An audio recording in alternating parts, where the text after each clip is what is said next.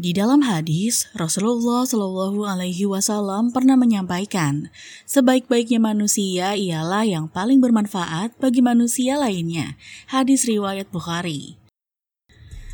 Bismillahirrahmanirrahim. Assalamualaikum warahmatullahi wabarakatuh. Hai Sobat Hivo, hai Sobat Lampu Pijar Perkenalkan, namaku Hera dan sangat senang sekali bisa bergabung di episode sharing di podcast Hivo pada kali ini Apa kabar semuanya? Semoga selalu dalam lindungan Allah ya Dan dalam keadaan sehat walafiat Ngomong-ngomong tentang hadis yang baru saja saya bacakan Ada korelasinya nih tentang kewajiban kita sebagai manusia dan kewajiban kita kepada Allah. Apa ayo? Yaps, yaitu berusaha untuk menjadi manusia versi terbaik. Kewajiban kita sebagai manusia tidak hanya terfokus pada ibadah ritual pada Allah saja, atau yang biasa kita kenal dengan habluminallah. Namun Islam juga mengajarkan agar kita senantiasa berbuat baik pada sesama manusia, atau yang biasa kita kenal dengan habluminanas. Karena Allah menciptakan kita nih sebagai makhluk sosial juga. Kalau makhluk sosial artinya kita nggak mungkin dong bisa hidup sendiri. Nggak perlu bantuan siapa-siapa deh. Nggak mungkin ya. Karena setiap hari aja kita akan selalu bersama orang-orang terdekat kita. Entah itu suami, istri, orang tua, saudara, bahkan tetangga. Nah, itu tuh bisa jadi ladang pahala kita loh. Contohnya, salam, ngucapin salam. Hanya dengan satu kalimat yang mengandung doa yang baik, mampu membuat hati seseorang jadi tenang. Apalagi doa baik tersebut kita imbangi dengan perbuatan. Wah, rasanya tidak bisa menahan haru ya, karena pengorbanan dalam berbuat baik kepada kita seperti yang Rasulullah Shallallahu Alaihi Wasallam contohkan kepada kita. Beliau tidak pandang bulu dalam berbuat baik. Masih ingatkah dengan kisah Rasulullah yang menyuapi kakek pengemis Yahudi buta? Ada beberapa sih yang bisa Hera um, dapatkan ya ilmu-ilmu atau poin-poinnya itu adalah ternyata di pojok pasar Madinah Rasulullah setiap pagi membawa makanan untuk disuapi ke pengemis eh, kakek-kakek yang Yahudi buta tersebut. Tapi ternyata setiap pagi itu pula Rasulullah mendengar cacian, makian, umpatan yang diucapkan kakek-kakek tersebut yang ditujukan untuk Rasulullah itu sendiri.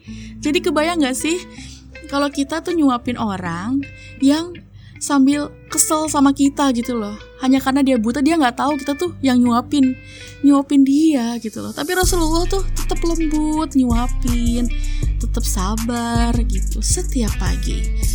Masya Allah bener-bener suri tauladan ya.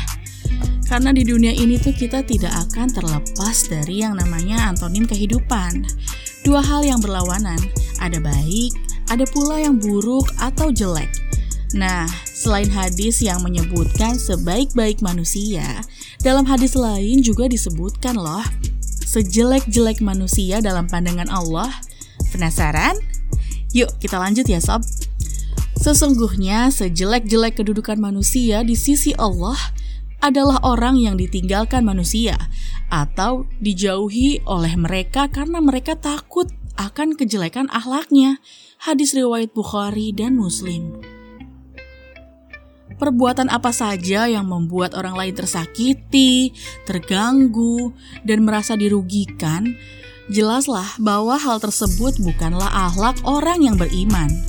Senada dengan hadis yang baru aja Hera sebutin tadi, dalam konteks yang agak berbeda nih ya, Nabi Muhammad Shallallahu Alaihi Wasallam juga menyifati orang yang membuat tetangganya atau orang lain merasa terganggu sebagai orang yang tidak beriman dari Abu Syuraih bahwasanya Nabi Muhammad Shallallahu Alaihi Wasallam bersabda, demi Allah tidak beriman, demi Allah tidak beriman, demi Allah tidak beriman.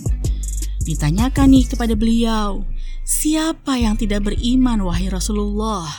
Beliau bersabda, yaitu orang yang tetangganya tidak merasa aman dengan gangguannya. Hadis riwayat Bukhari. Sekalipun kita rajin ibadah sama Allah, habluminallahnya mantep banget deh ya. Tapi jika tidak diimbangi dengan habluminanas yang baik, di dalam hadis, orang tersebut tetap menjadi penghuni neraka. Astagfirullah, nauzubillah. Rasulullah Shallallahu Alaihi Wasallam bersabda dari Abu Hurairah radhiyallahu anhu, ia berkata, dikatakan pada Rasulullah Shallallahu Alaihi Wasallam, wahai Rasulullah, sesungguhnya fulanah rajin mendirikan sholat malam, gemar puasa di siang hari, mengerjakan kebaikan dan bersedekah, tapi sering menyakiti tetangganya dengan lisannya Rasulullah Shallallahu Alaihi Wasallam berkata, "Tidak ada kebaikan padanya. Dia termasuk penghuni neraka." Hadis riwayat Bukhari. Mari berintrospeksi sekaligus tetap bermuhasabah diri ya sob.